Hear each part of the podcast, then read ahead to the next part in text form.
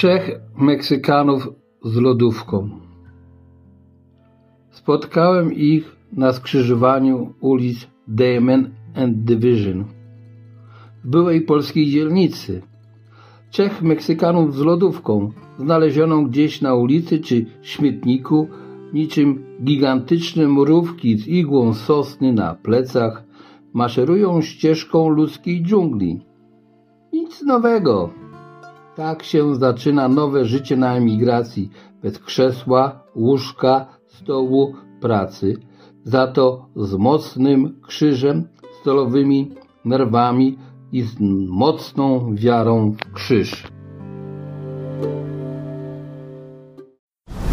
Stacja Sopot.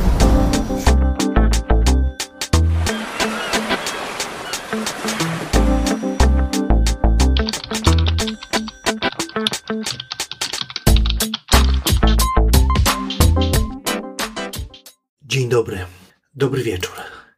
Gdziekolwiek i kiedykolwiek zechcielibyście mnie słuchać w swojej pracowni. Po raz dziewięćdziesiąty pierwszy. Każdego ze swoich słuchaczy, każdego z osobna wita Piotr Wiktor Lorkowski, redaktor pierwszego polskiego podcastu o poezji, będącego obecnie jedynym medium literackim w Sopocie. Dzisiaj rozmowa z gościem, a tym gościem jest Adam Lizakowski, poeta polsko-amerykański z pochodzenia Dolnoślązak, debiutujący w roku 1986 w San Francisco tomem o bardzo mocnym tytule Cannibalism.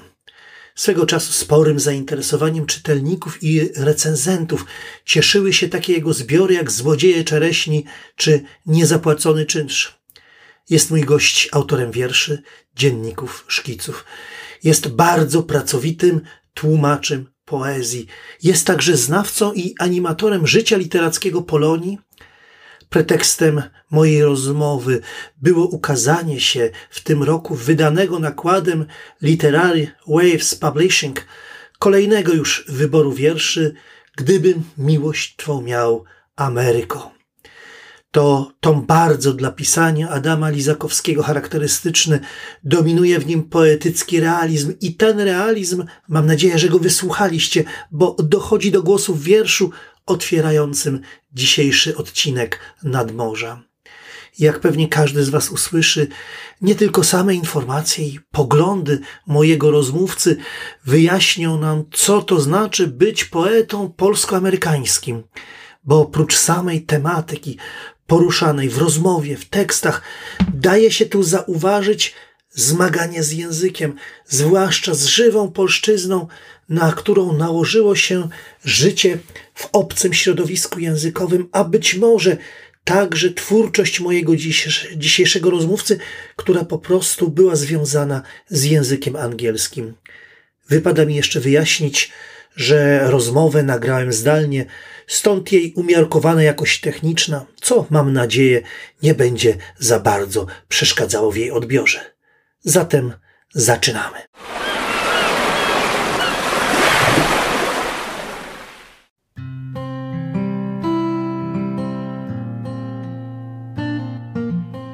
Tytuł pana wyboru wierszy brzmi Gdyby miłość twą miał Ameryko. Wypada zatem zapytać na początek, kogo kocha Ameryka? Ameryka kocha przede wszystkim tych emigrantów, którzy szukają w niej szczęścia. Większość tych emigrantów opuściła swoje własne ojczyzny w poszukiwaniu właśnie lepszego życia, szczęścia. Ameryka zawsze, czy Stany Zjednoczone były krajem obfitości, dla którego przybywało miliony, miliony ludzi w poszukiwaniu nie tylko szczęścia, religii, ale też i fortuny. Zresztą konstytucja amerykańska mówi wyraźnie o tym, że każdy obywatel w Stanach Zjednoczonych ma prawo do szczęścia i do bogacenia się, czyli wyrażenia tak zwanego spełnienia swojego American Dream, czyli amerykańskiego snu. Jest jeszcze jedno takie piękne wyrażenie, które mówi, że od rags to rich, czyli od bycia biedakiem do bogactwa. Jedno i drugie bardzo mocno, czy od szmat do bogactwa, jedno i drugie bardzo mocno tkwi w naszej psychice, w naszej mentalności. Ale przejdźmy na grunt poezji. Czy Ameryka kocha poetów? Ameryka dzieli się na dwa takie wielkie poetyckie kręgi. To jest akademicka poezja, która jest na uniwersytetach i street poetry, czyli ta poezja, która jest na ulicach, która może pan usłyszeć w metro w Nowym Jorku, na ulicach San Francisco, na ulicach Bostonu czy kawiarniach gdzieś tam mało literackich, powiedzmy Houston, tam gdzie mieszkał nasz poeta, wielki poeta Adam Zagajewski, troszeczkę opisywał o tym. I te dwa kręgi nie mają dla siebie jakiegoś wielkiego wyrozumienia czy współczucia, to są dwa kręgi, które działają obok siebie. To wcale nie oznacza, że na przykład Charles Bukowski, który był licznym poetą, a, który uciekał od akademii, który nigdy nie chciał być wykładowcą akademickim, który miał wiele zaproszeń na odczyty uniwersyteckie, łącznie z prowadzeniem kursów tak zwanych creative writing, czyli sztuka pisania, a, nie był z daleka, nie chciał być tym akademickim poetą i z drugiej strony Alan Ginsberg, który rozpoczynał jako uliczny poeta w kawiarniach, powiedzmy San Francisco, czy na ulicach San Francisco, później został akademickim wykładowcą, powiedzmy na e, uniwersytetach e, nowojorskim, czyli dwa różne kręgi y, poetyki w Ameryce. I poeci akademicy są ci, którzy zdobywają nagrody, którzy zdobywają oznaczenia, które którzy zdobywają medale od prezydenta i, i z Akademii Amerykańskich Poetów czy Literatury, od Kongresu Amerykańskiego, a ci uliczni poeci, ci, którzy żyli na przykład w San Francisco i w Berkeley,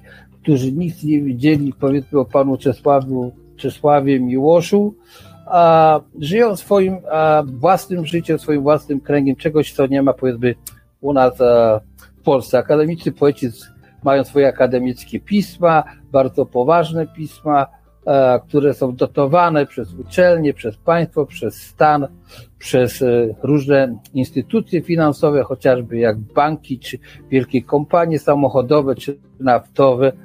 Natomiast ci policzni poeci wydają z własnych pieniędzy, z własno zarobionych pieniędzy e, jakieś tam małe tomiki, skromne gazety 4, 6, 8 stronicowe, i etc. Więc e, czy Ameryka, tak, kocha poezję Ameryka. E, w każdym kościele parafialnym jest gazetka, w której się drukuje poezję. Każda kawiarnia wydaje jakieś swoje takie małe wiersze, które się e, przy, przypina pineskami na tak zwanych board of information, czyli na takich tablicach, jak się wchodzi do kawiarni, to wiszą te, te e, wiersze. E, także tak, Ameryka kocha poezję, jest jej bardzo dużo na autobusach, na, uli, ulicy, na plakatach, na banerach, na tablicach, w metro. Absolutnie tak. Jest to jeden z jedynych krajów, który mogę powiedzieć, który naprawdę kocha i uwielbia e, poezję i, i żyje po poezją. Absolutnie tak. E, w Pana e, dorobku, w pan, informacji o Pana dorobku znajduje się określenie poeta polsko-amerykański. E, co Pańskim zdaniem to określenie oznacza?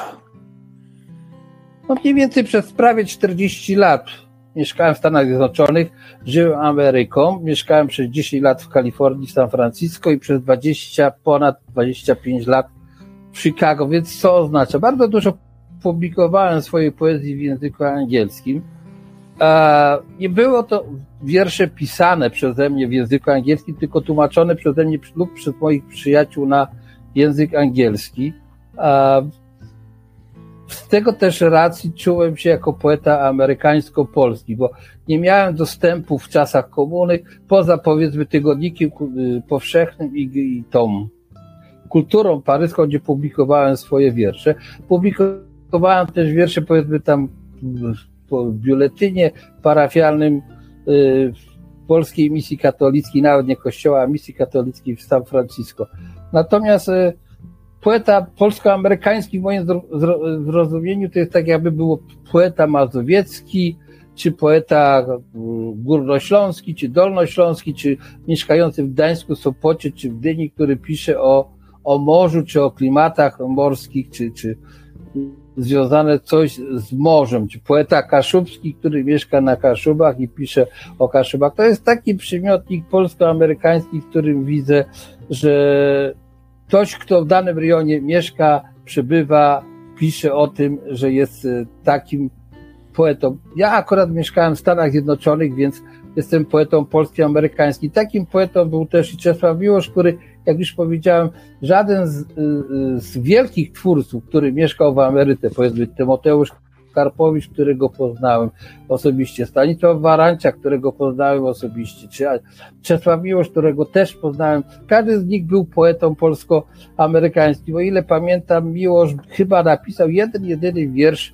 jeden chyba tylko wiersz w języku angielskim, a jak pisał, na nim się najbardziej skupił, bo najbardziej jego znałem, byłem jego studentem, przez wiele lat mieszkałem właśnie w San Francisco, Bay Area, czyli w rejonie San Francisco, gdzie bywałem też na spotkaniach w Berkeley, w którym on mieszkał. Także jego tłumaczenia były dokonywane przede wszystkim przez jego studentów, przez jego e, profesorów, przyjaciół, z którymi miał do czynienia, chociaż powiedzmy Robert Haas, który był profesorem na Uniwersytecie w Berkeley, który z nim bardzo dużo tłumaczył i chociażby jego e, studenci jak e, Richard Lurie, czy powiedzmy Lillian Valen, która tłumaczyła nie tylko Miłosza, ale też dzięki Miłoszowi chociażby tłumaczyła dzienniki Gombrowicza na język angielski. A jakim wykładowcą był Czesław Miłosz? Ja byłem na kilku jego wykładach. Przede wszystkim, no, jakim był wykład? Ponoć bardzo dobrym był wykładowcą. E, wiadomo, że tych studentów miał bardzo mało, bo to tłumaczył literaturę polską, później sobie wziął jeszcze słowiańską, czyli rosyjską. Bardzo duże było zainteresowanie literaturą rosyjską, to stojąc Dostojewskim, a przede wszystkim on się specjalizował, powiedzmy, w Dostojewskim. Natomiast jakim był wykładowcą, był wspaniałym, proszę pana, od zera. Poprzedni był profesor a, Lednicki, tak się nazywał na Uniwersytecie w Berkeley, który praktycznie nie miał jakikolwiek źródeł materiału do tego, żeby uczyć polonistyki. Więc Miłosz był tym pierwszym człowiekiem, twórcą, promotorem polskości, wielkim, wspaniałym promotorem polskości, który napisał książkę pod tytułem Historia literatury polskiej. Oczywiście tak jak on to widział i tak jak on czuł tą literaturę polską. Przede wszystkim znał też Amerykanów i wiedział, czego im można, co im można pokazać, jak można im przedstawić literaturę polską napisał pierwszy, ułożył antologię post-war, czyli powojenną poezję polską, taką antologię. Od 45 chyba do 65 roku, bo 65 chyba ta antologia wyszła. Także był wykładowcą, był promotorem polskości, który bardzo, ale to bardzo pomógł polskości, wiedząc, że Polacy nigdy nie garnęli i nie garną się do studiowania, powiedzmy, nauk kierunku humanistycznego, w tym wypadku a literatury polskiej czy słowiańskiej. Y, większość jego studentów, 90% to byli Amerykanie, którzy nic nie mieli z polskością wspólnego, którzy nic nie mieli wspólnego z naszym krajem, z naszą ojczyzną, na drugim czy trzecim pokoleniu, więc to dla nich to było obca powiedzmy jak Stanisław Barancia, który też miał swoich amerykańskich studentów pochodzenia irlandzkiego czy szkockiego, którzy też nie mieli nic wspólnego z polskością, którzy się uczyli na przykład literatury rosyjskiej, bo jeszcze mając licencjat, można mieć jeden język y, y, podstawowym, który słowiański, to 95% wybierało język rosyjski. Natomiast y, robiąc magistra trzeba byłoby mieć już dwa języki słowiański i przeważnie był ten język polski. Trzeba pamiętać, że 90% slawistyki w Stanach Zjednoczonych to jest y, rosystyka, 5% to jest polski, 3% to jest e, bohemiastyka, czyli czeska i dwa pozostałe te języki słowiański, powiedzmy, czy tam a, ukraiński, czy bałkański, języki serbski, chorwacki, etc. Czyli rosyjski dominuje w, prawie, że w 100% i on nie mógł tylko i wyłącznie uczyć języka polskiego, dlatego też sobie wziął ten język e, e, literaturę rosyjską, którą zresztą bardzo lubił Przecież urodził się, aby nie było w Rosji jeszcze carskiej. Jest pan tłumaczem poezji amerykańskiej, przyswajał pan polszczyźnie m.in. Boba Dylana i Alena Ginsberga, więc poetów znanych. Ale czy ma pan takich poetów mniej znanych u nas, których trzeba odkryć dla polskiego czytelnika, albo po prostu takich poetów, których polski czytelnik powinien odkryć? Powiem panu szczerze, że nie, że chodziłem na wykłady, miałem 40 e, klas, zanim zdobyłem tytuł magistra, czyli musiałem 40 przedmiotów zaliczyć, tak mniej więcej w Stanach Zjednoczonych y, wygląda i na tych 40 przedmiotów prawdopodobnie miałem 40 poetów, którzy uczyli, czy krytyków, badaczy literackich, którzy są absolutnie związani z kulturą amerykańską, ze słowem amerykańskim pisanym. Czy kogoś bym chciał po, polecić? Polacy tak dużo wiedzą o amerykańskiej poezji, także nawet przeciętny poeta z miejscowości prowincjonalnej niż y, profesor amerykański o poezji polskiej. Y, wielokrotnie byłem na spotkaniach, wieczorach, odczytach w Polsce po powrocie ze Stanów Zjednoczonych, gdzie poezja amerykańska mnie zaskakiwała, począwszy od e, Ashbury'ego, od A, a skończywszy na poezji właśnie Ginsberga, Dylana, czy Gluck, która dostała 4 lata temu nagrodę literacką amerykańska poetka. Yy, mamy wspaniałych tłumaczy polskich, mógłbym wymienić co najmniej 20 wspaniałych tłumaczy polskich, począwszy od yy, pana Andrzeja Szuby, który Whitmana, mojego ulubionego wielkiego poeta amerykańskiego, przetłumaczył, a poprzez pana Barana, który tłumaczył Ginsberga już 30 czy 40 lat temu, gdzie wydawnictwo literackie ma specjalne serie wydawane e, poezji amerykańskiej, gdzie literatura na świecie i Piotra Somara, którego widziałem parokrotnie, spotkałem się w Chicago i Stanach Zjednoczonych, gdzie przyjeżdżał jako poeta, jako twórca, jako redaktor literatury na świecie, na uczelniach amerykańskich ale tylko tych uczelniach, na których jest literatura polska, umówmy się szczerze, a tych uczelni można policzyć na palcach powiedzmy jednej ręki. Moje wiersze to tabletka na zatrucie własnego życia, recepta na udane nieszczęście. I jakby pan skomentował tę frazę z perspektywy poety polsko-amerykańskiego? Recepta na udane nieszczęście. Czyli sytuacja, w którym poeta znajduje się w środowisku ludzi, którzy nie mają czasu na czytanie, ludzi, którzy nie mają książek, ludzi, którzy przyjechali do pracy, aby polepszyć swój byt, swój i rodzin w Polsce. Serdecznie dziękuję mojemu gościowi za kilka spędzonych razem chwil. Gdyby ktoś bliżej chciał się zapoznać z jego dorobkiem, w notatkach do tego odcinka znajdują się linki do jego tekstów, a tekstom towarzyszą także informacje biograficzne. Zmieniając nieco temat, dziękuję wydawcom, dziękuję autorom za przesłane książki. Zapraszam także wszystkich do zaprenumerowania newslettera, który towarzyszy od jakiegoś czasu każdemu nowemu odcinkowi nadmorza. Newsletter można zamówić pisząc pod adres e-mailowy dostępny także wśród notatek do tego odcinka. W samym newsletterze znajdują się m.in. zapowiedzi kolejnych audycji oraz informacje o prezentowanych autorach. Na koniec dziękuję każdemu, kto zechciał wysłuchać tego odcinka. Do usłyszenia niebawem i niech sprzyja Wam muza z Sopotu, z nadpolskiego morza. Wszystkich swoich słuchaczy pozdrawia Piotr Wiktor Lorkowski.